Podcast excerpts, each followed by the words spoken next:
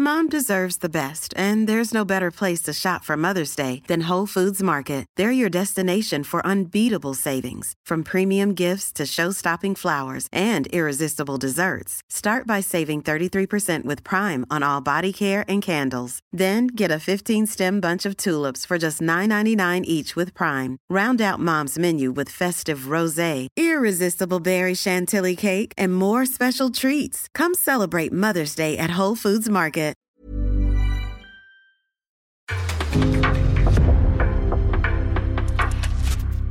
En podcast från Aftonbladet.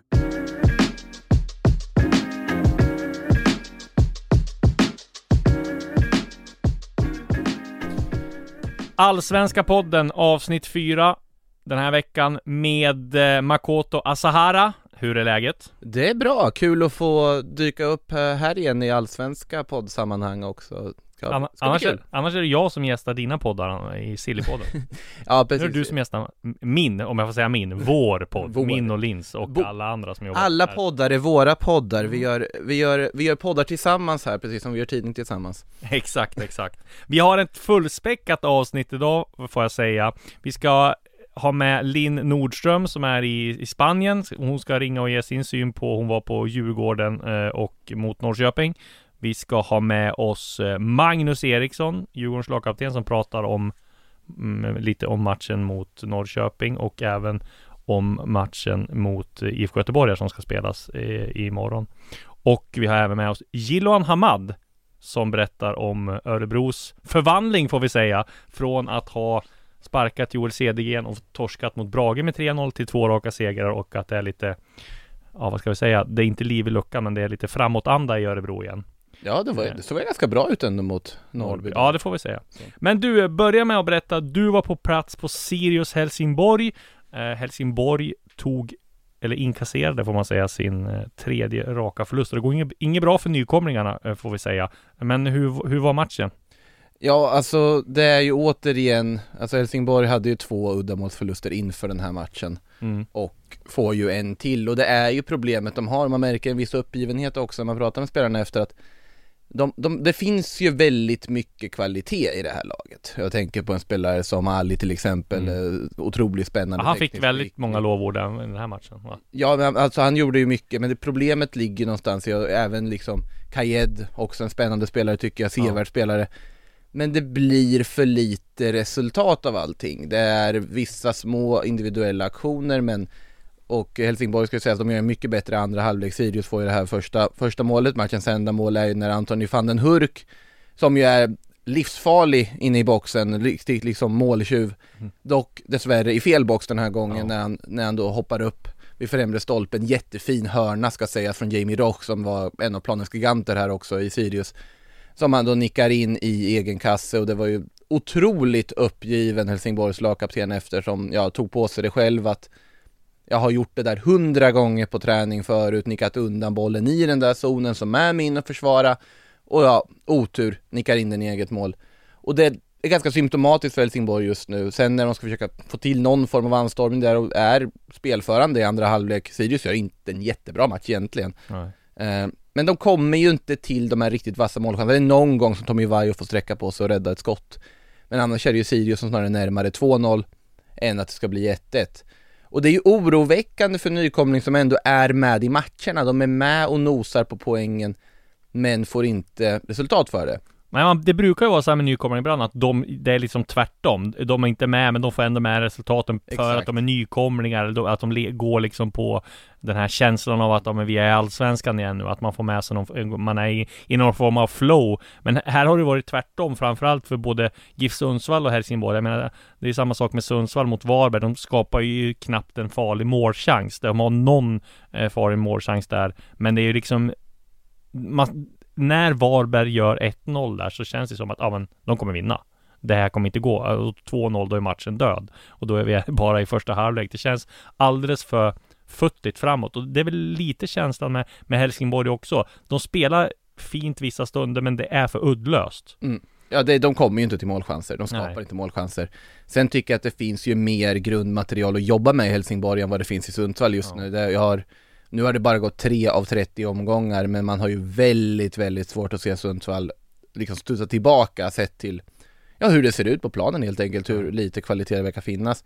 Helsingborg ser man ändå en viss potential i. Nu var det lite oroväckande också att Armin Gigovic fick bryta i slutet av den första halvleken där, tog sig för ryggslutet. Mm. Sa ju också det att det var, det är lite ryggproblem man har haft och liksom inte känt av nu under början av säsongen, hade lite försäsongen problem med det men att det slog tillbaka lite nu. Var väl inte helt säker på hur hans medverkan kommer vara i den här veckomatchen som kommer nu. Eh, och för honom också, han har ju ganska kort tid att egentligen göra en impact eftersom att han har kontrakt fram till sommaren. Det är helt nytt folk han spelar kring, det är mycket nytt och det är mycket som är ganska liksom feltajmat i allmänhet i Helsingborg och det måste de ju åtgärda fort. Problemet är ju att som nykomling, om du slåss i botten, då måste du få med dig marginalerna på rätt sida. För att du kommer ha bottennapp, du kommer ha matcher där det inte alls funkar på något sätt.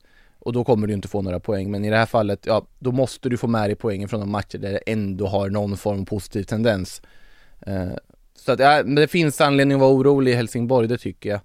Eh, om man vänder på det annars, hemmalaget Sirius, sju poäng på tre matcher. Vinner utan att egentligen imponera jättemycket i den här matchen och bara det är ju egentligen ett styrkebesked. Två av två segrar måste vara mot nykomlingarna på, på studenterna, så ganska positiv trend tycker jag ändå. Det finns mycket att jobba med. Paka Paka Lagemyr fick ju uppleva sin första match från start på jättelänge och tyckte han såg pigg ut, fortfarande såklart inte i toppform men det finns en extrem ja, sparkapital där om de får igång honom och eh, uh, Yukiya Sugita, japanen, som vi alla skärmades av 2020 men hade så mycket skadeproblem och inte kom till sin rätt 2021 nu i truppen igen. Daniel Bäckström sa ju det också att jag hade kunnat spela honom men det vart inte läge att byta in sett i matchbilden. Där har du extremt sparkapital som kan ja, förgylla den här säsongen för Sirius. Så där finns det ju mycket mer positivt att ta. Ja, vad är status med honom? Du gjorde ett lite längre reportage om honom. Berätta lite grann om det. Vad, vad liksom är jag såg bara rubriken att eh, vi ska inte avslöja allt. Visst, den eh, intervjun, men det får ni läsa. Men vad var det som tog honom hit? Ja, alltså det, grejen här är ju att han Förra säsongen slutade han ju på alltså noll gjorda poäng. Han spelade mm. ganska sporadiskt. Han hade skadebekymmer. Men samtidigt, han har ju i princip med smärtor hela 2021. Det var ju mm. det som var anledningen. Han har haft ett krånglande knä. Nu ska det dock vara åtgärdat. Gjorde en operation i höstas. Har varit på rehab i Spanien en sväng och nu ska han vara tillbaka och redo att spela och bara det sett till, alla som följde Sirius 2020 med ja, Stefano Vecchia och ja. Sugita och allihopa vet ju vilken enorm kapacitet den här spelaren har så att det är ju mest att nu, nu är han tillbaka efter det här mardrömsåret han har haft och det är ju otroligt välkommet för en klubb som Sirius. Ja, sparkapital som sagt och det ska bli spännande att följa Sugitas här, eh, Sugita i, eh, under den här säsongen. En annan match som var väldigt spännande att följa och framförallt så var den underhållande att se. Det var Malmö-AIK. För eh, alla som har en neutral inställning till den här matchen var det väl eh, roligt. alltså framförallt för Malmö-supportrarna såklart, men kanske inte lika roligt för AIK-supportrarna. Men det här får man säga var en ruskig maktdemonstration av Malmö, eller vad säger du? Ja, det är precis där det var. Eh, såklart det betyder extra mycket för Malmö att slå också ett lag som AIK. Det finns ju mycket liksom likheter i hur de klubbarna, den svansföringen de har, den, liksom, det är ett klassiskt möte på alla sätt och vis. Och att också bara verkligen trycka dit AIK på det sättet de gör och visa att ja då, vi, vi är guldfavoriter i år också. Man slutar tillbaka från eh, poängtappet mot mot Elfsborg och sen kommer det och Kiese Thelin som redan nu har kommit igång med målproduktionen, föga förvånande får man väl säga. Och men ändå att han ser så här bra så tidigt ut. Ja. Men det, det, det, visar väl också att vi, vi kanske inte har följt med eh, alla där nere i, i Gulfen. Eh, för att han var ju i säsong där, det var ju därför han bara slängdes in direkt mm. från start. Så att, nej, det, det, får man säga imponerar. Och framförallt ska det sägas, tycker jag, jag tycker inte AIK var då, speciellt dåliga. AIK spelade riktigt bra, hade en del bra chanser. Ändå är liksom någon form av maktdemonstration när, när man byter in Ola Torven och han kommer in och bara smäller in det där målet. Alltså avslutet säger ja. det mest om honom också, alltså vilken kvalitet spelare det är och där, vi, vi har använt ordet sparkapital några gånger här nu i den här poddinledningen men där har de ju också i Malmö, herregud. Eh, nej, jag håller, jag håller, helt med. Alltså, sen är det ju så här, såklart, siffrorna rinner ju iväg på att Malmö är effektiva på sina chanser också. Och det kanske inte 3-0 på så sätt speglar hela liksom AIKs insats. Det känns inte om de så pass överkörda. Tycker jag inte att de är. Nej. Men det är ju för en klubb som AIK där, ja att vinna hör till. Det sitter i att du ska vinna fotbollsmatcher. Ja då är det ju en ganska tuff smäll och ha fått den här, ja, inledande premiärförlusten mot Häcken på det sättet de fick och sen då få en sån här smäll mot Malmö. Det, det är ju inte en optimal start. Sen ska ju sägas, det är inget lätt spelschema de har heller fått Nej, de har serverat här i början. En mardröm i början. Och sen så har ju AIK genom historien haft extremt svårt mot Malmö borta. Det var väl 28 år sedan man vann där Mm. senast. Men det, det som oroar lite med AIK är just bortaspelet. Fyra insläppta borta mot Häcken, tre insläppta mot Malmö. Det är ju, hör ju inte till vanligheterna. Framför allt inte när man trodde mot Norrköping att nu har man hittat tillbaka till det här trygga defensiva AIK som var under eh, Rickard Norling till stor del, det här med shape och sen även under Bartos eh, förra året då. Men det är nog lite som, och, och, och samma sak där, hur ska man få mera backlinje? Man har, ibland har man, drag, man drog in Lustig i, i centralt Mm. i premiären.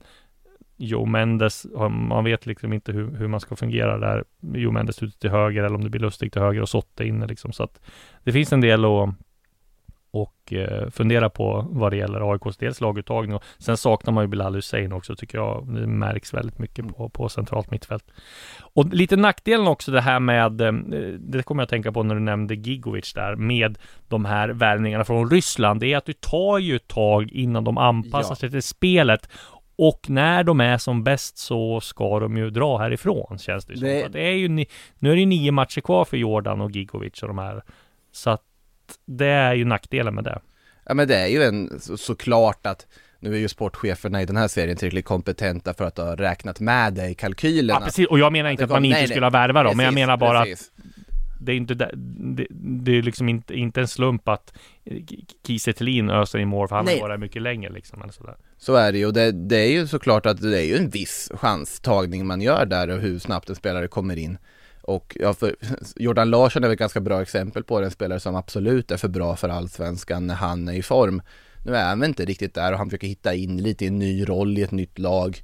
Och det kommer ta sin tid. Sen vet vi vilken enorm kvalitet han besitter. Mm. Och gjorde ju en assist första matchen. Ja, och han kommer ju, liksom han kommer ju bidra Ja, under den här våren till AIK. För dem är det viktigt nu att för att behålla någon form av hype och liksom få igång den här säsongen. De behöver ju en väldigt stabil och lugn seger hemma mot Varberg här nu. Ja, Det är ju ganska uppenbart. Sen är det ju absolut inte någonting vi ska förutsätta att de löser. För ja, vi vet hur Varberg är. De kan ta poäng av precis vilket lag som helst i den här serien. Eh, men för AIKs del att bortafaset också, såklart, antalet mål de släpper in är oroväckande med att de har varit ganska så på bortaplan, det såg vi även i fjol. Sen är det ju någonting som måste åtgärdas, man måste kunna hantera att spela bortamatcher för att ja, hälften av serien består ju av dem. Mm. Så nej, men det är väl, ja det är ju som sagt, det är en tuff match, säsongsinledning, man kan inte dra allt för stora växlar av att förlora en match med eh, flertalet mål mot Malmö FF med Borta. tanke på att Malmö, borta med tanke på allt vad det innebär, men eh, de behöver ju sätta tillbaka mot Varberg här i alla fall ja verkligen. Och eh, Varberg ska vi säga, vi kan väl inte nog hylla Jocke Persson som vi har gjort eh, eh, rätt många gånger i den här podden. Nu slänger han in eh, en startelva med Simon Karlsson Aj- eh, på, på, på topp där och han gör mål. Och eh, han bytte väl ut, var det fyra eller fem spelare från senast och de bara går in och ja, alltså det var som jag sa, i 25 minuten så visste man att det här var, det hade Varberg. Mm. Eh, Och sen byter han tre spelare i 59 minuten så att Jocke Persson eh, är imponerad av honom. Sen, det vi glömde säga var, vi får ju säga att Milos Milojevic har fått en smakstart i Malmö Så är det. också. Och det var väl kanske inte oväntat alla man pratade med när han var i Hammarby hyllade honom som tränare och sådär. Och alla man pratade med honom i, i Malmö nu också hyllade hon han som tränare. Och Eh, det känns ju som, om jag ska säga det nu, efter tre omgångar känns det som en liten uppgradering jämfört med Jon Dahl Tomasson. Det känns som att han kan spela lite mer underhållande fotboll, lite mer offensiv fotboll. Eh, Och sen tycker jag han har fått ihop balansen när Lewicki kommer in. Mm. Eh, Vilken annan spelare Anders Christiansen blir då också så att det finns eh, sparkapital där också så Ja, att säga. alltså Lewicki är en sån spelare också som alltså det är ju, håller en extremt hög nivå som man Mm. inte tänker på. Han har ju haft sina skadebekymmer, det är ju det, men, men det är lätt att glömma bort Verkligen. hur många liksom, absoluta toppspelare de har i det här laget. Sen tycker jag att det är allt för tidigt att ehm, göra någon egentlig bedömning. Såg jag att Milos har fått en jättebra start på att de har tagit sig till den här cupfinalen. De har, Det kanske var lite stora växlar då att säga att han uppgraderar med Tomasson. nej men det, han det måste ju ha några matcher till. allt allt som MFF bedöms på är ju till att börja med, SM-guldet ska man förutsätta Mm. utifrån vad, vad alltså kravbilden i den klubben är och den liksom resurserna de har. Om du inte lyckas ta serien då, då kan du inte anses ha gjort ett lyckat jobb som Malmö FF-tränare, så är det. Eh, Men sen också, vad gör de i Europa? Och det är ju när de här viktiga matcherna kommer, när utslagsmatcherna kommer, när saker och ting ska sättas på sin spets. Det är då man kommer att avgöra, Mm. är Milos Milojevic en vinnare som är liksom anpassad för att träna en klubb som Malmö FF? För Malmö FF ska ha en tränare som har vinnarmentalitet, för den sitter i väggarna i den klubben, det är ju inget att snacka om. Nej. Men det var just det mer, just det här titlar och sådär. var inte Spelmässigt, det. Var absolut. spelmässigt Ja, jag absolut, menar, att han har absolut. fått ihop det så bra på så kort tid och att det jag tycker det är roligare att titta på Malmö så här Mm. titt in på säsongen än vad det var Och tidigare. det, och det är ju en aspekt som faktiskt är fascinerande med just eh, MFF, att sett i materialet så har man ju inte spelat så extremt bra fotboll under egentligen någon tränare under sista tiden. Alltså eller liksom sevärd fotboll. Sen är det ju inte Alltså Ma- Malmö som lag, det är inte något så här possession-baserat eh, liksom Fröjspelarna, Cruyff-spelande lag. Det ska, ska inte vara det heller, det är inte deras styrkor. Ja. Men jag håller med om att det finns ju positivare offensiva tendenser under Milos Milojevic hittills som ska bli spännande att följa. Men sen är det ju det som är upp till bevis är, Ja. är han en, har han vinnarmentaliteten, har han den pondusen att träna en klubb som Malmö FF? Exakt. Och om vi snackar om vinnarmentalitet så får vi säga att IFK Göteborg har visat upp det rätt snabbt här. Häcken avfärdades, inte så enkelt, men en ganska solklar 2-0-seger och Marcus Berg brände en straff. Men eh, här får vi säga att jag hade jag inte trott att Blåvitt skulle öppna så här bra. De har mött ganska bra lag ändå. Ja, det är ju, alltså om det är någon klubb som behövde den här säsongstarten Mm. så är det ju IFK Göteborg. Sett till den ändå ovisshet som har funnits inför med vad man egentligen kan förvänta sig av IFK Göteborg. Eh, om man tittar på pappret med spelare som Marcus Berg och Gustav Svensson och vidare, det, det finns ju kvalitet. Men vi har ganska en samlad mediekår och varit ganska överens om att nej men det ska inte räcka för att utmana om topplaceringar. Jag vidhåller att de fortfarande inte kommer att räcka för att utmana om topplaceringarna. De kommer inte slåss om Europaplatser, det tror inte jag. Men just nu, här och nu, att väcka en tro på det här laget, att hitta en positiv energi, att för en gångs skull gå in i ett läge på en säsong där du inte jagar. Att du snarare är det här laget som, som ska försöka bygga vidare på ett positivt momentum. Det är väldigt länge sedan vi såg IFK Göteborg i en sån sits. Och det tror jag kan betyda väldigt mycket, så vem vet om man får pudla på sitt eh, uttalande här nu när vi kommer in på sommarmånaderna och IFK Göteborg fortfarande är där uppe. Eller om de, ja, faller ihop när tuffare matcher kommer här. Det blir väldigt mycket upp till bevis här i matchen som kommer nu i veckan bland annat.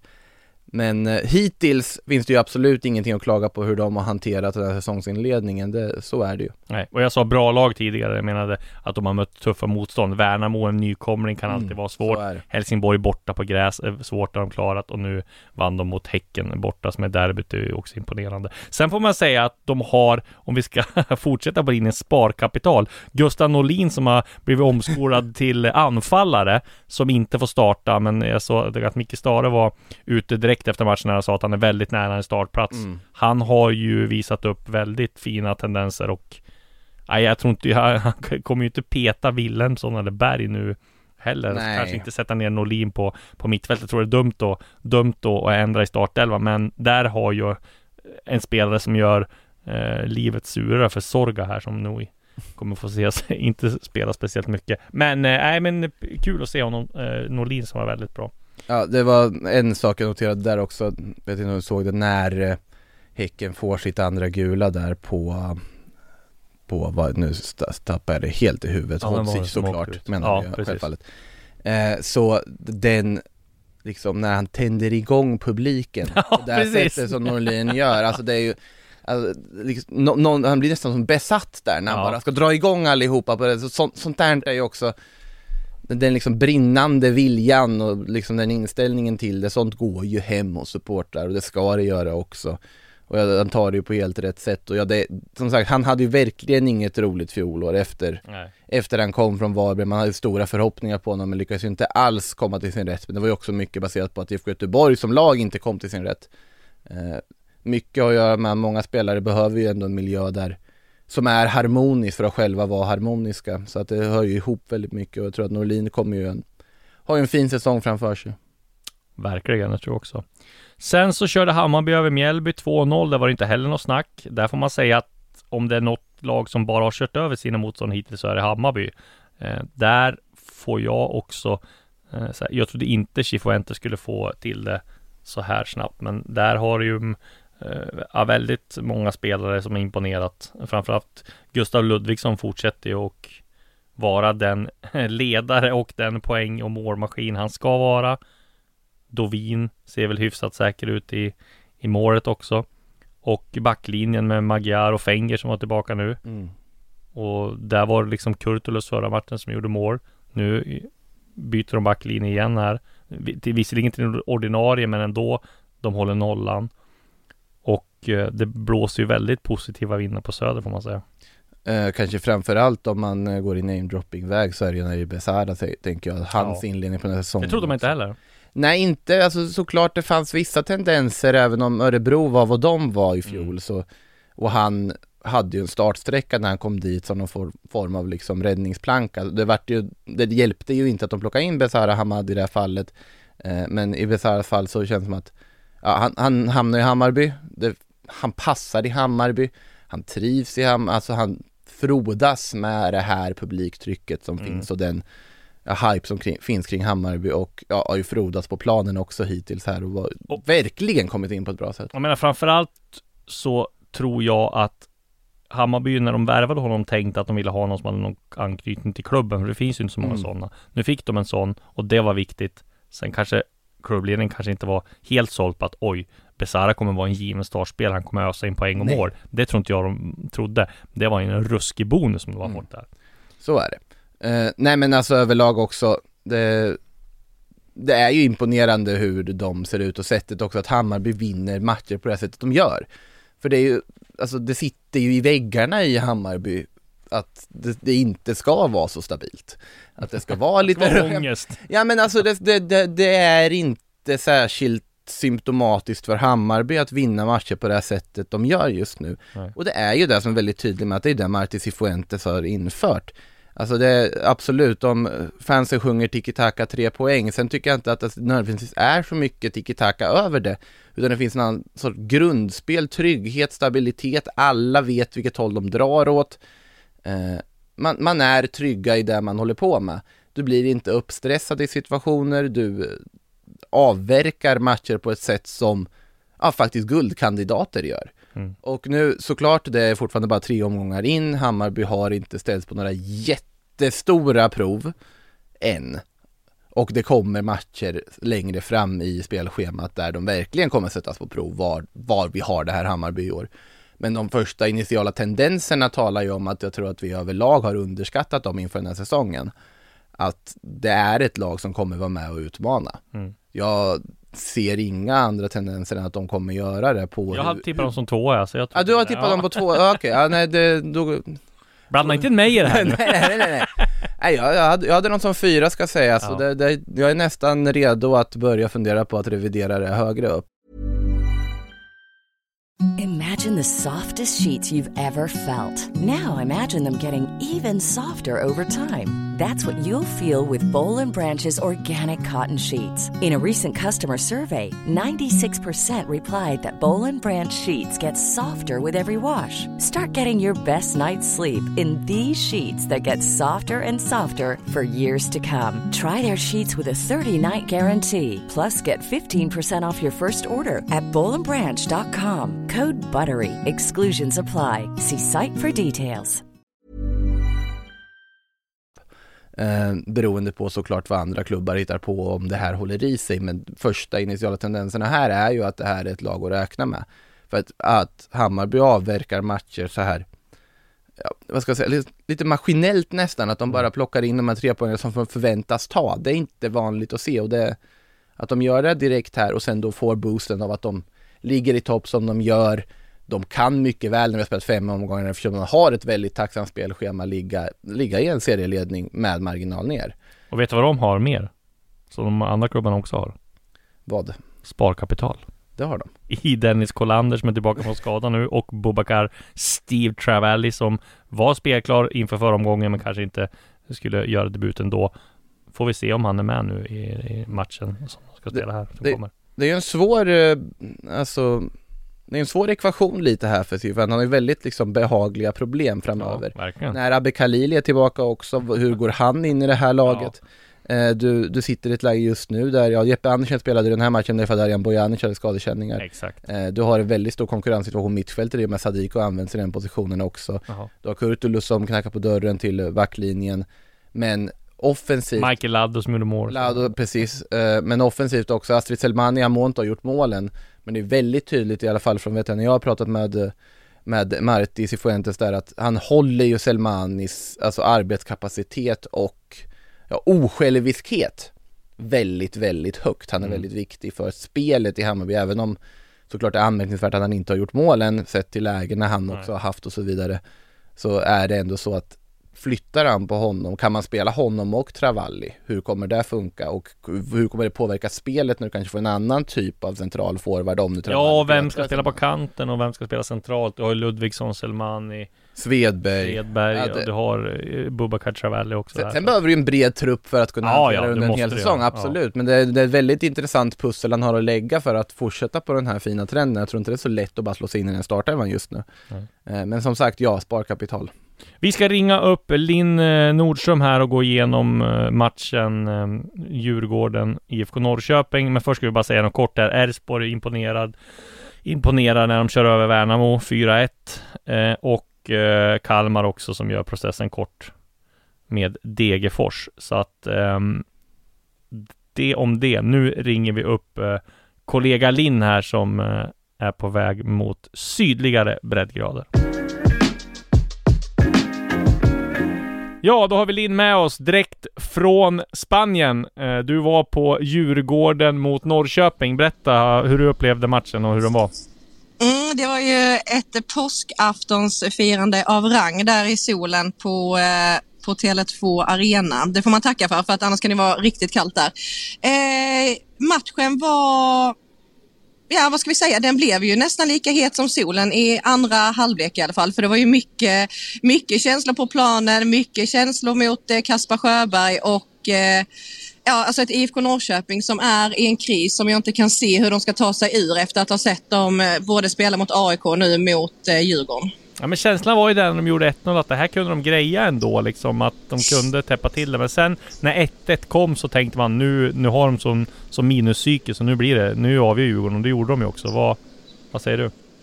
Nej men det var ju, ja men det är precis som du säger, känslan var där när Jonathan Levi, alltså det målet var med, alltså om man såg Djurgårdens match mot Mjällby så kan de ju bli väldigt loja och se ut som att Nej, men som att de nästan inte har tränat ihop i fem minuter i vissa situationer. Ja, exakt. Och, och så var det verkligen här. Alltså det målet var, alltså vi, både jag och Simon Bank och Malin Wahlberg som var på matchen tittade på varandra och bara, vad hände? Alltså typ som att bollen skulle studsat fel eller någonting för att så här, Alltså Djurgårdens backlinje såg så oförstående ut när bollen kom och när Jonathan Levi liksom gjorde målet.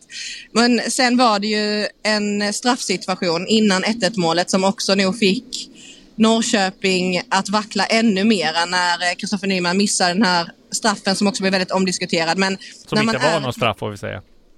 Precis, utan Hjalmar Ekdal gjorde en, en helt eh, perfekt eh, glidtackling utanför eh, straffområdet och sen tycker då eh, Sjöberg att hans ben går upp i en bensax i situationen efter.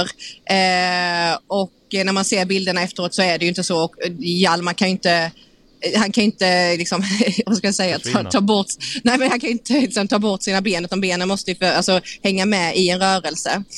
Men eh, ja, alltså jag tycker liksom synd också om eh, Totte Nyman som går fram där och eh, slår en riktigt dålig straff. Och han sa ju efteråt i intervjun nere på planen att nu, nu har jag slagit mina straffar i Allsvenskan, nu får någon annan, nu Ja, får han någon annan kändes stiga fram. ruskigt knäckt, eller hur Makoto?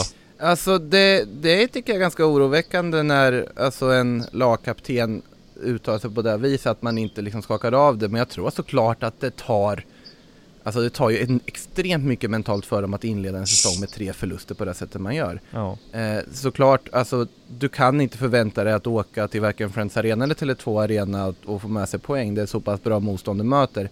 Sen också sett till hur den här matchbilden blir, att du har 1-0, du har lägd så att 2-0 från straffpunkten, rullar den utanför och Djurgården kommer tillbaka på det sättet de gör välförtjänt också. det är, det är otroligt oroväckande tendenser man undrar ju vad som händer i den klubben om, om det nu inte skulle bli poäng hemma mot BK Häcken, ett, ett motstånd som IFK Norrköping också brukar ha ganska rejäla problem med. Mm. Eh, en Men det som blir förlust där, tydligt med- så- Ja. Alltså nej men eh, Norrköping är ju ett lag som varken känslomässigt har en, eh, en plan B eller en avbytarbänk eller liksom eh, resurser. Det känns som att laget är redan efter de här omgångarna är rätt slut och rätt så nedtrampade. Och sen, alltså det här segern var ju en matchcoachningsseger. Alltså de två bytena som, eh, som Kim och Tolle gör blir ju avgörande. Och även ifall Rickard Norling skulle vilja göra liknande byten så har han inte de spelarna på bänken. Sen inte riktigt det, alltså Norrköping blir ju rätt så lättlästa precis som AIK blev när, när Norling körde sitt spelsätt där. Så att jag tror att, att, eh, att Djurgården hade kunnat komma tillbaka även om de här bytena inte hade blivit så extremt lyckade. Men nu kommer liksom Banda in och Asoro in och det är ju två spelare som verkligen kan göra skillnad och det såg man ju det såg man i den här matchen och då, då orkar inte Norrköping stå emot. Det är ju det är väldigt, alltså Norrköpings, alltså för, förväntningarna man kan ha på dem tycker jag är väldigt svårdefinierade för att sett till resurserna de har, sett till vad de har levererat tidigare och på pappret egentligen så ska de ju vara en toppkandidat. Men om man tittar på truppen här idag eh, så är, är de ju inte det. Det är ju inte ingen som har trott att de ska vara och slåss om SM-guldet. Samtidigt så är det ju så att nu har ju Norling faktiskt fått de spelare han vill ha. Han har fått sina wingbacks som faktiskt är renodlade på den positionen. Han behöver Ja. inte experimentera in i nya spelare på den positionen alla Jens Gustafsson gjorde flera år där alla skulle spela wingback. Eh, Även han, Alvarez. han, ja, han var ju ändå wingback. Han var ju faktiskt wingback i grunden. Men, eh, så här, Isak Bergman Johannesson och Ishak Abdulrazak som fick spela wingbacks och allt möjligt. Alltså, han har fått in Ortmark som känns som precis rätt speltyp på mittfältet. Eh, sen kommer ju smällen där med att man blir av med skyttekungen, med Adegbenro. Man väntar, förväntar sig att någon ska ersätta, absolut. Man tar in Eman Markovic som väl har potential, men är från, en spelare från norska andra ligan som är oprövad på den här nivån. Eh, inte heller överhuvudtaget samma speltyp. Och det ligger mycket i det att du har ju väldigt lite backup om, alltså Alltså det finns inte så mycket att kasta in, det finns inte så mycket att göra för att förändra matchbilder. Absolut, Lukas Lima är en lovande forward, men han är också helt oprövad i det här sammanhanget och du kan inte lägga det ansvaret på honom riktigt.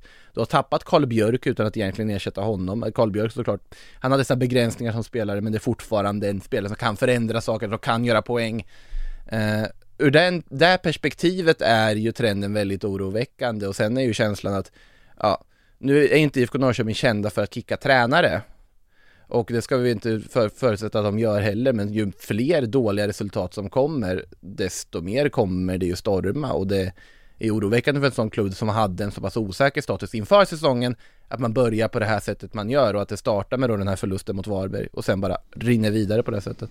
Hur var Mm. snacket i mixade zonen då Linn? Det var mycket kritik från domaren. Det var ju ett litet... Eh, jag vet inte, det börjar bli slentrianmässigt här för Kim Bergstrand att han topplock igår på han och han såga domaren. Men här var det ju som han sa att det var den sämsta domarinsats han har sett i Allsvenskan. Det kändes som lite att ta i. Ehm, han är inte, ja jag vet inte, det känns inte som han är så stor eh, i, i, i segerns stund om man säger så. Nej, och det var väl också det. Det blir ju lite tråkigt när man står i, i mixade zonen efteråt och så mycket snack blir om eh, domaren och när då tränarna spär på det på det sättet. Det är ju helt omöjligt för oss att inte ta vidare ett sånt, eller ett sånt citat ifrån en presskonferens ut i mixade zonen sen och prata med spelarna om det.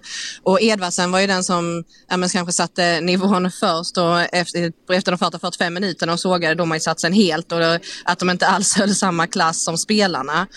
Och det är ju med, jag vet inte då, eh, jag vet inte, det är, det är bara jävligt tråkigt och Kaspar Sjöberg stannade ju inte i mixade zonen. Det var och, där tror jag eh, spelarna var irriterade på att de inte inte gick att ha Dels menar de på att det inte han- gick att ha någon dialog med honom på planen och sen att han inte förklarade besluten. Jag tror det är många spelare var förbannade på.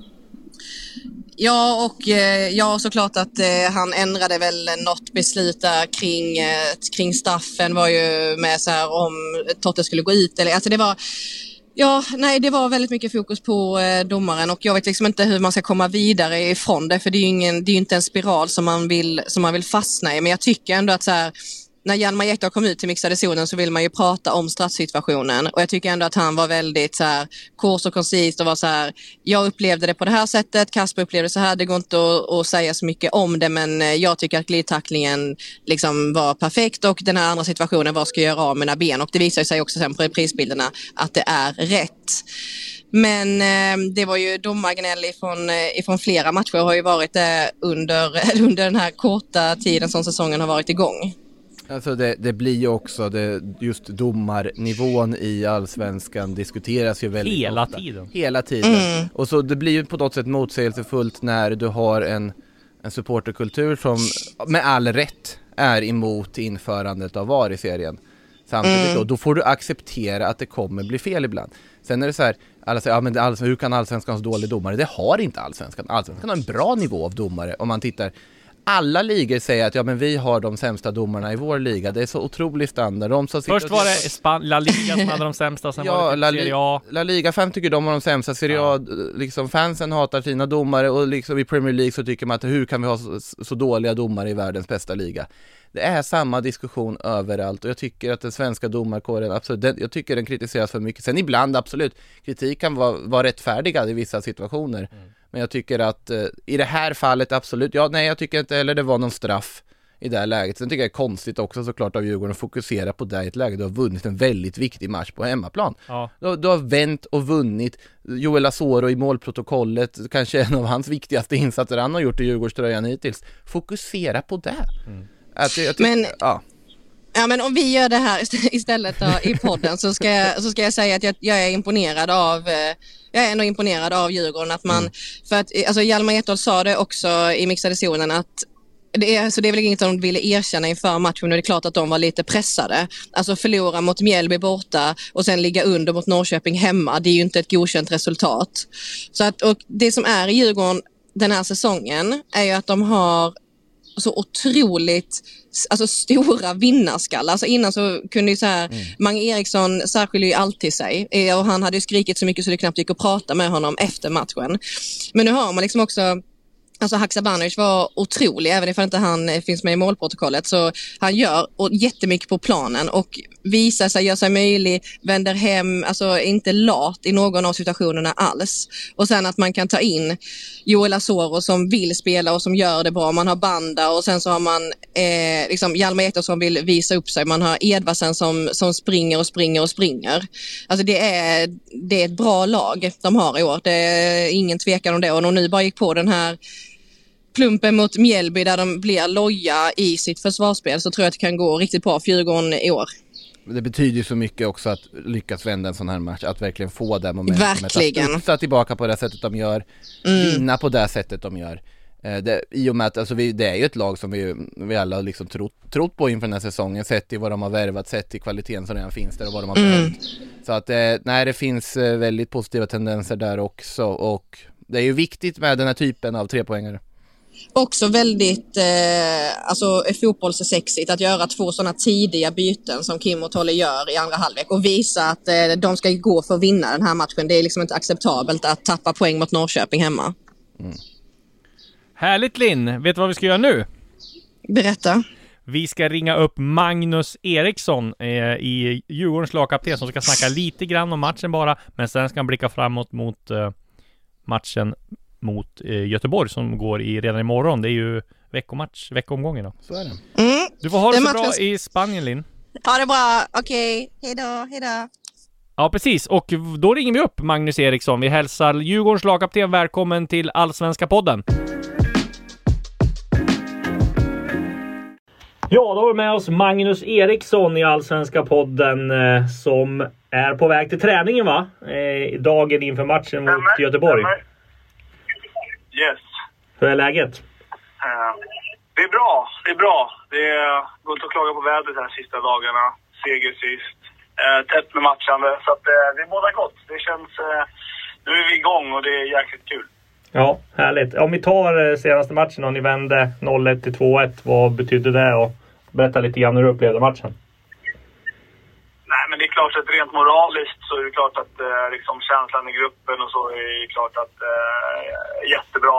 Eh, lite, ett litet kvitto på att, att vi eh, också kan vända matcher. Eh, vi har ju haft en tendens att, eh, jag vet inte, vi pratade lite om det, att, att senaste gången vi vände en match och vann var väl i princip Hammarby-derbyt förra året. Så att, eh, det var ju tio månader sedan där. Så att, eh, sen är det klart, vi brukar ofta göra första målet så att, eh, och så, men det var moraliskt väldigt skönt att kunna vända och, och ta hem tre poäng. Så eh, det kändes väldigt, väldigt, väldigt bra. Hur ser du på lagbygget som ni har nu jämfört med i fjol? Nej, jag tycker att vi står oss, eh, står oss högre i år. Uh, tycker att vi har högre, högre spets och, och även bättre bredd. Så att jag menar, det är klart att eh, förväntningarna byggs ju på lite utifrån det också. Så att vi, eh, vi ska vara ödmjuka i det vi gör, men det är klart att vi, eh, vi siktar på, på något som bättre än, än förra året såklart. Mm. Mycket snack om domaren efter matchen. Ja, den där tacklingen var ju, det var ju ingen straff, men vad, hur upplevde du det liksom?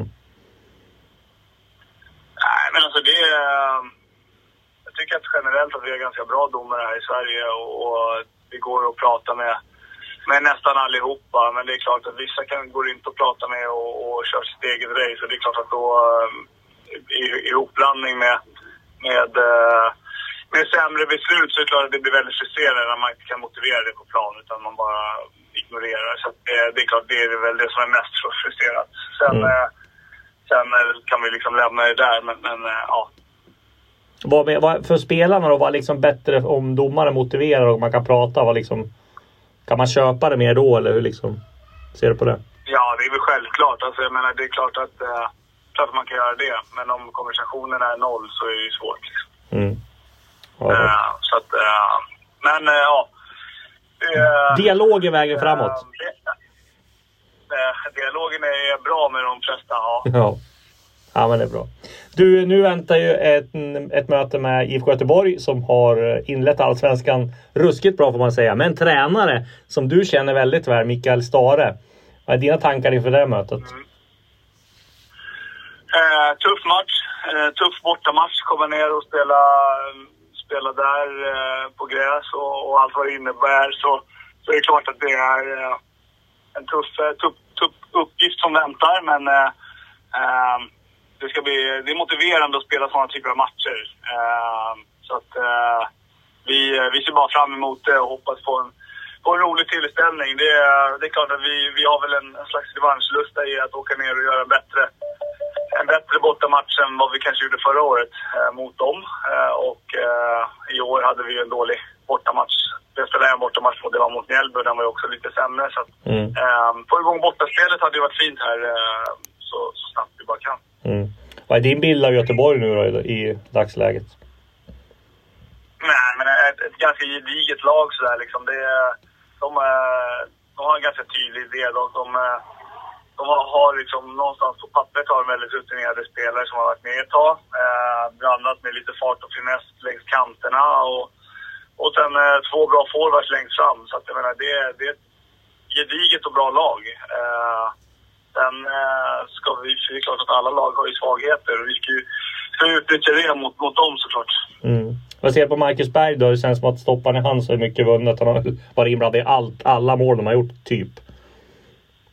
Ja, nej men alltså, det är, alltså han håller ju fortfarande jättehög nivå såklart. Eh, så att eh, det blir ju blir någonting att bita i. Han är bra i targetspelet. Det är, liksom, det är inte bara en målskytt utan han är även bra i spelet och i pressspelet. Så att jag menar, det är klart att det är en, det är en väldigt komplett anfallare som, som man behöver se upp med. Eh, sen har de ju liksom ganska pigga spelare runt omkring som, som, eh, som skapar och gör, gör bra saker. Så att eh, det kommer absolut bli något att bita i och det måste vi, måste vi någonstans vara ärliga med och, och, och börja där liksom.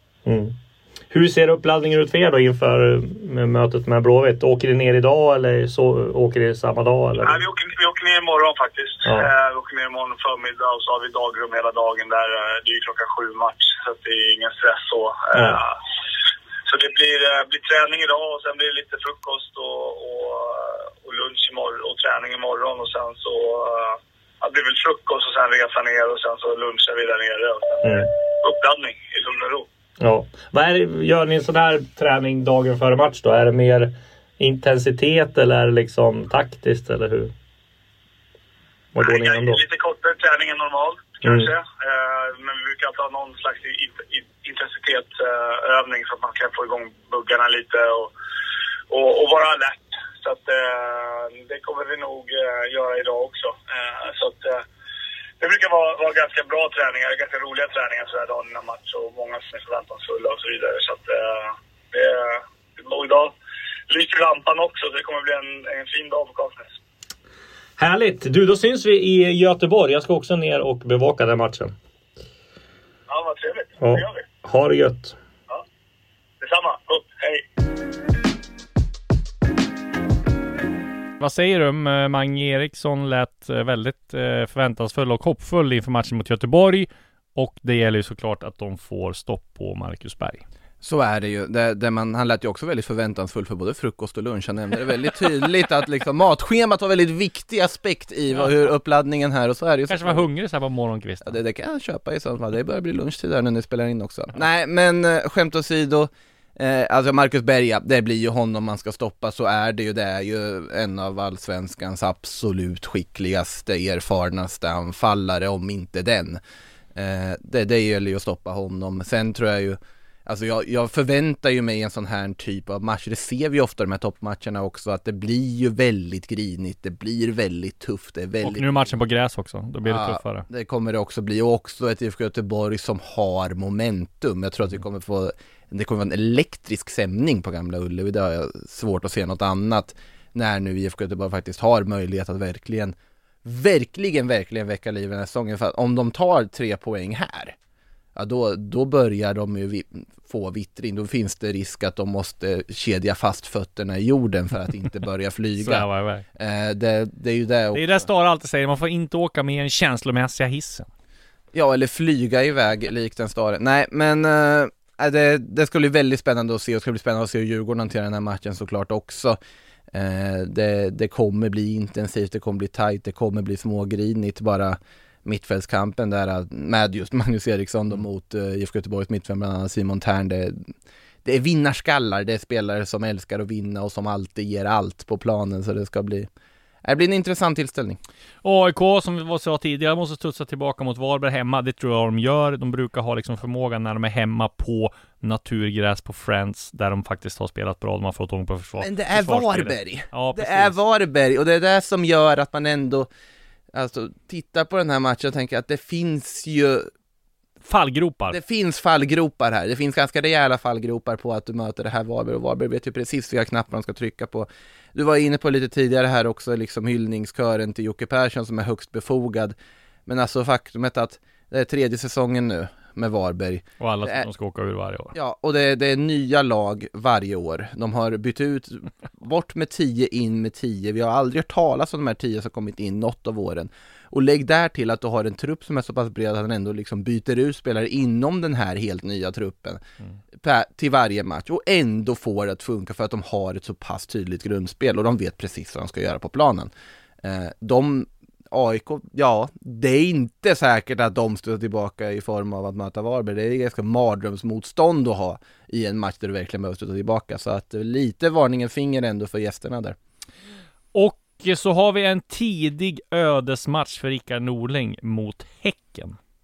Ja, IFK Norrköping hemma igen på ja, Platinum Cars Arena som den numera heter. Eh, som sagt, det var ju Varberg de åkte dit mot i premiären där också där. Men nu är det ett litet stukat Häcken som kommer dit. Samtidigt är det väldigt revanschsuget och då, Häcken såg ju väldigt bra ut i början av de första matcherna. Inte lika då pikt och lite slappt i försvaret mot Blåvitt och sådär men Ja, Ja, det- match ändå för Peking.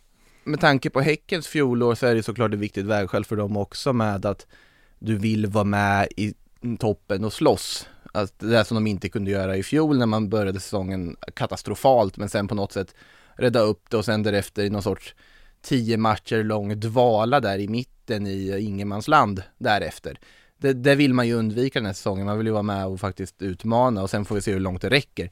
IFK Norrköpings fall, då gäller det ju verkligen bara stoppa fallet. Mm. Eh, jag vet inte om en poäng räcker för att stoppa det här fallet, men uppenbarligen någon form av positiv tendens behöver Ja, de. nu får de nog ta vad de får. Ja, och det, det är ju ett svårt läge. En förlust här och det kommer ju börja puttra. Ja, Sen- fyra raka torsk. Då, då kommer det börja puttra kom- för ett lag ja. där, som egentligen, anledningen man tog in Rickard Norling och valde den tränartypen är ju uppenbart att du Han vill ha in en vinnare. Ja, precis. Och han är ju den tränaren som tjänar...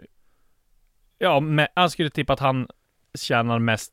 Möjligtvis att Milos tjänar mer i Malmö då. Men annars tror jag Rickard Norling har Det där vet du nog bättre än Ja, vad men det jag tror jag han har Ja. absolut högsta. Han kom ju i ett läger också där där ja, Norrköping hade mycket pengar. Han hade eh, liksom gott renommé. Eh, Peter Hunt var det som tog dit honom också Mm. va. Så att nej, det, han tjänar absolut. Men det är också så här, ja, säg då att han skulle få lämna, vad tar man in istället? För Nej, då måste det är det man fin- måste ha. Och det kommer ju kosta extremt mycket och, och, och Ja. sparka honom. Jag tror inte han har under 200 papp i månaden. Man har, ju, man har ju valt den här vägen. Ja. Du har valt att tro på det här, du har valt att ge honom mandatet att bygga någonting. Mm. Det här transferfönstret, Men det är ju inte den styrelse som är nu som var det här, får vi tänka på också. Nej, abs- Nu ringer från Tunisien, det är som... Mom deserves the best, and there's no better place to shop for Mother's Day than Whole Foods Market. They're your destination for unbeatable savings, from premium gifts to show-stopping flowers and irresistible desserts. Start by saving 33% with Prime on all body care and candles. Then get a 15-stem bunch of tulips for just $9.99 each with Prime. Round out Mom's menu with festive rosé, irresistible berry chantilly cake, and more special treats. Come celebrate Mother's Day at Whole Foods Market. De här galna. ringer från Tunisien. Eh, ja men alltså, ja, precis, det är ju inte alltså den ledningen som tog in honom, så är det ju, men samtidigt, ja, nu har han ändå fått det han på något sätt vill ha. Ja. Han har ett mandat att vara med och liksom forma den här truppen och ja, det har han fått väldigt ja, och fått in spelartyper som de saknade. De har ju faktiskt, man tittar på transferfönstret de har gjort, det är ju spelare de behövde. Jag var inne på det förut också. Tycker till exempel värvningen av Ekpol är en av de absolut kanske bästa som vi såg under Men det han kan, det man kan i försvara är att de ersatte ju inte Adegbenro. Nej men det är ju den, och det Ja. var ju det här som man kanske inte riktigt hade räknat med att eh, Beijing Guan skulle gå in där och, Nej, eh. Och ställa till det. Men där behövde man kanske värva en forward. Sen kom ju ett sommarfönster, men nu gäller det ju också att inte förfallet ska bli för stort. Nej. Nej, jag tror inte IFK Norrköping kommer vara inblandade i en bottenstrid. Det finns lag som är absolut klart svagare och det finns ändå en grundkvalitet i det här IFK Norrköping som gör att de kommer ju. Men samtidigt, det har varit några år nu av där man inte riktigt varit med i toppen. Jag tycker det syntes blev ganska överraskad vet jag. Jag var ju på premiärmatchen där på, på Platinum Cars Mm. när det var en publiksiffra i en premiär för IFK Norrköping som var bara drygt 6000 åskådare. Ja, det är ju inte bra. Och det är för en stad som ändå är en fotbollsstad på det sättet som har varit vana vid att de hade ju femsiffrigt på varenda match när det gick Mm. bra. Så, så är det oroväckande. Du måste få någonting positivt nu för att liksom få staden enad runt det här laget igen.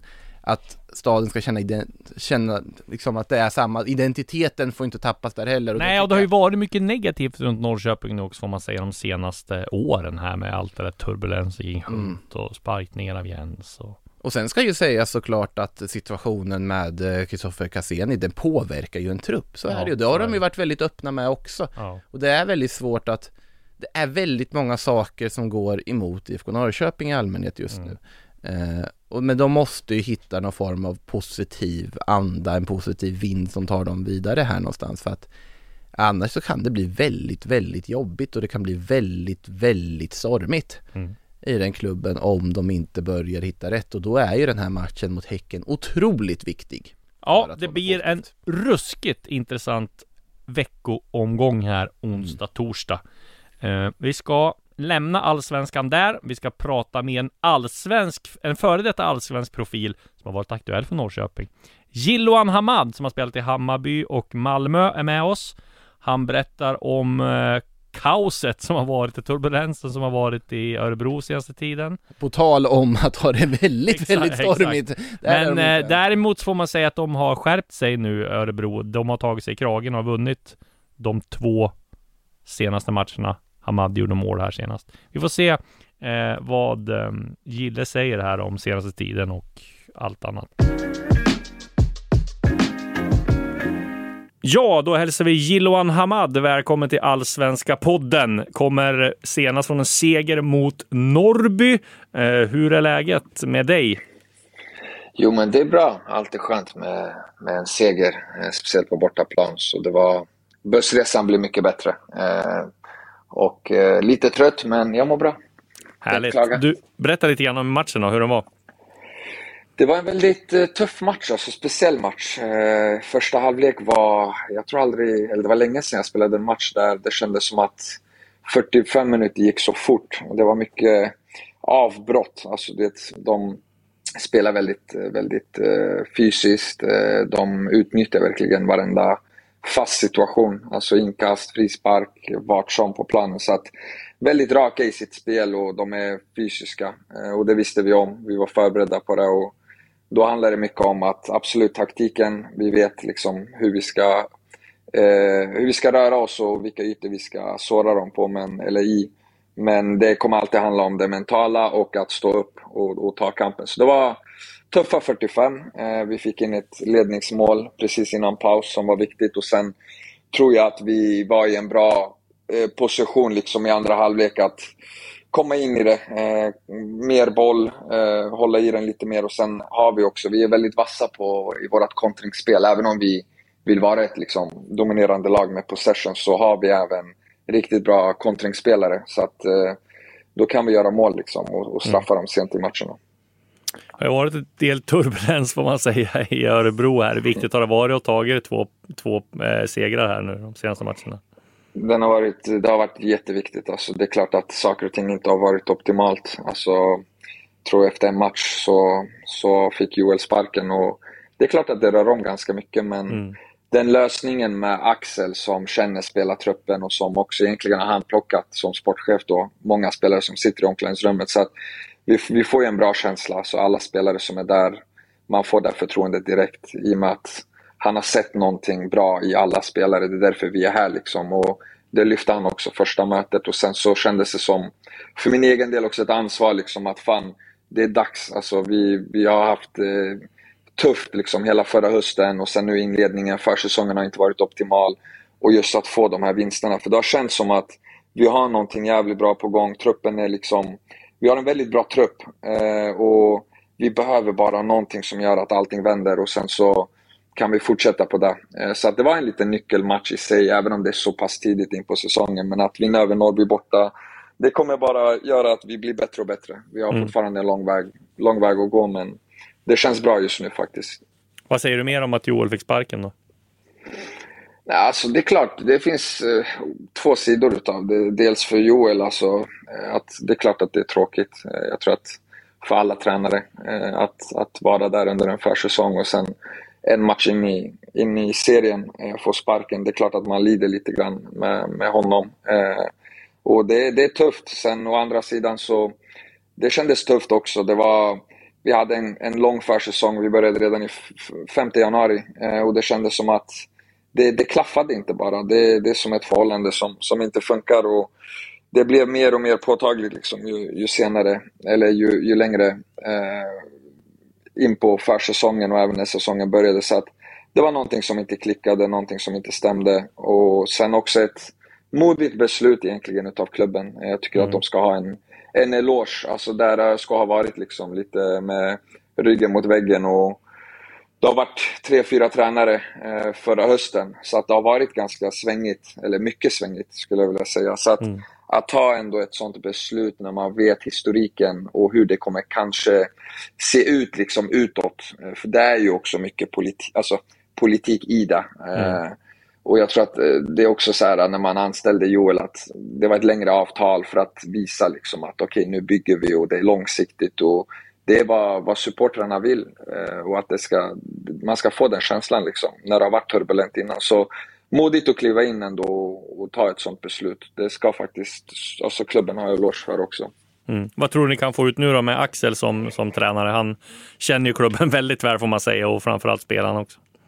Ja, Axel har varit i ÖSK länge och han, han har verkligen stor, stor passion och kärlek för klubben så att han vill ju det bästa. Och, eh, jag tror att han, han, alltså, han klev in som tränare efter att truppen hade, alltså, vad ska man säga, vi uttryckte liksom att vi tror att det är den bästa lösningen eh, samt att styrelsen kände det också.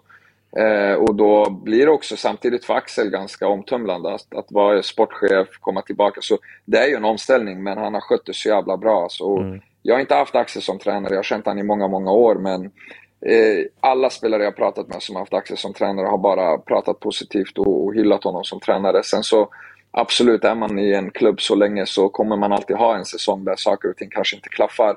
Och nu ledde det liksom till att han tog eh, rollen som sportchef och att man fick in en ny tränare. Men, men eh, det har varit grymt. Han har, jag tror att han, får ut, han kan få ut det mesta utav alla spelare. Det bästa utav alla spelare. och han har lyssnat också. Du vet. Jag tror att han har tagit till sig och jag tror till och med att han är en bättre version av sig själv som tränare idag, även fast jag inte haft honom innan. Men ja. hittills så har det bara varit, alltså, det har varit grymt. Ja. Du då? Eh, det var kanske inte så många som trodde att du skulle stanna kvar. Du hade väl säkert anbud från, från allsvenska klubbar och sådär. Hur gick tankarna för dig efter säsongen när, när ni åkte ur? Eh, det var tufft alltså. Det var nog min ja, värsta eller tuffaste höst liksom, i karriären. Dels prestationerna men att att eh, vi låg inte i synk liksom hela laget så det var svårt att prestera men också jag går alltid tillbaka till mig själv liksom. Vad, vad kan jag ha gjort bättre? Eh, jag brukar alltid rannsaka mig själv egentligen och jag vet att jag har så jävla mycket mer att ge. Mm. Och det var av olika anledningar som inte jag fick ut så mycket. Eh, men eh, egentligen så kändes det som att jag varit, det är första gången jag är hemma, eh, spelar för ÖSK. Eh, jag tog det beslutet liksom när jag kom hem under hösten att det ska vara långsiktigt. Och jag är en sån person som har ett åtagande så vill jag fullfölja det liksom. Jag har aldrig lämnat en klubb där liksom saker inte har funkat efter ett år och så drar jag bara. Eh, jag, jag vill helst liksom vara kvar och ge tillbaka. Eh, speciellt när jag ska ha visat så mycket liksom när vi satt och förhandlade hur, hur pass mycket de, de behövde mig och, och liksom hela den biten. Så att det måste finnas en respekt från min sida också. Eh, sen har jag avtal med ÖSK, mm. Eh, ska sägas också. Så att Eh, men oavsett det så, så hade jag velat vara kvar och försöka ta laget upp. Det, det, var det enda jag tänkte på direkt när vi åkte ur. Att det är en fin klubb. Jag har själv liksom stått på läktaren när jag var, när jag var liten och ÖSK ska vara i Allsvenskan. Och sen första gången man representerar klubben så åker vi ur. Liksom. Och det, var, det var tufft. Och man börjar tänka på alla liksom gamla legendarer i klubben, spelare man har sett upp till när man var yngre. Man stod där på läktaren så att eh, jag kände bara, nej, det, vi kommer göra allt det här året liksom och för min egen del också. Jag ska göra min bästa säsong och så ska, ska vi upp liksom. Mm. Vad, det krävs det, vad krävs det för att ni ska gå upp då? Nej, men jag tror att nu har vi fått en, en bra balans i laget. Vi har en bra trupp. Eh, vi har en bra bredd i, i, laget också. Så vi har egentligen alltså alla förutsättningar eh, för att gå upp rent truppmässigt och även ekonomiska muskler. Alltså vi måste vara ärliga. Liksom. Det, jag tror att ekonomin spelar roll i, i mm. varje liga. Eh, jag tror att de, de, lag som betalar bäst lön ligger också alltså, i tabellen så som klubbbudgeten är. Hänger du med? Sen ja. finns det alltid undantag. Så att de fördelarna har vi. Nu handlar det bara för oss om att hitta relationer på planen. Eh, nu har vi fått in Axel, saker och ting börjar stämma, vi känner oss trygga och det känns som att vi börjar skapa den här känslan att vi går in till match med jättestort självförtroende och känner så här, det här kommer gå bra. Till skillnad från att man går dit med en osäker känsla. Eh, och så har det varit innan liksom. Så var det hela hösten. Nu känns det mer, det finns en trygghet. Och sen måste vi bara fortsätta och inte vara nöjda. Alltså vi är laget där många vill slå liksom. Och, och eh, vi måste förstå att det krävs extra hårt jobb från vår sida. Så vi kommer träna minst lika hårt, om inte hårdare än alla lag, vara fokuserade. Sen är det en lång säsong. Så det är ganska många faktorer som, som spelar in för att man ska ta sig upp. Men en match i taget och så bara hela tiden vara ödmjuk i att vi kan bli bättre för varje match också. Ja. Och hur ser det ut för er framöver nu då? Vad, vad händer de närmaste dagarna? Nu var vi lediga idag eh, och sen börjar egentligen veckan imorgon. Eh, så träna på, eh, kolla på video, analysera. Vi har fortfarande saker som vi vill göra bättre. Axel nämnde det i början, liksom, att oavsett om vi vinner eller förlorar eller hur matchen än går så kommer vi stå här dagen efter liksom, och kolla på hur vi ska förbättra. Och hans mål som tränare är att vi ska bli bättre för varje dag och lära oss nya saker. Så att det är den processen vi är inne i och alltså jag, jag, jag, vill att vi ska vara vana vid att vinna matcher. Eh, det ska inte vara som ett event, liksom. vi vinner en match och allting är fantastiskt. Absolut, man ska ha kul liksom, eh, den dagen och sen så får man släppa och blicka vidare. Så skapa en, en sån mentalitet. Så det är nog det. Sen förbereda oss inför Halmstad hemma. Mm. Hur mycket hänger du med i Allsvenskan då? Vad, är det något, jag gissar att du, jag tar för givet att du hänger med rätt mycket. Är det något du har förvånats över eller något du Eh, nej, alltså Hittills. ganska... Jag tror att jag har kollat, jag kollat de flesta matcherna. Det är klart mm. jag följer, följer Malmö, följer Hammarby lite extra. Eh, sen har man vänner i, i varje lag, så... Mm. Eh, ingenting så egentligen. Jag tror AIK har haft det lite tuffare än vad jag trodde att de skulle ha det. Mm. Eh, eh men jag tror nog att de kommer växa eh, mer och mer. Men Malmö ser starka ut, Bayern ser fantastiskt bra ut. så Kalmar fortsätter spela fint nu. Får de göra mål också. Det, det, känns som att man ändå... Det var vad man hade förväntat sig. Mm. Ingen överraskning så egentligen. Nej. Jättebra Gilloan, vi tackar dig eh, och önskar att du, eller lycka till i eh, matchen mot Halmstad. Tack så jättemycket. Tack. Och med det så tackar vi för oss. Vi ser fram emot en högintressant veckoomgång. Sen är vi tillbaka nästa vecka med Allsvenska podden avsnitt 5. På återhörande.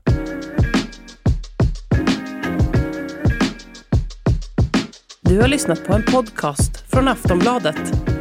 Ansvarig utgivare är Lena K Samuelsson.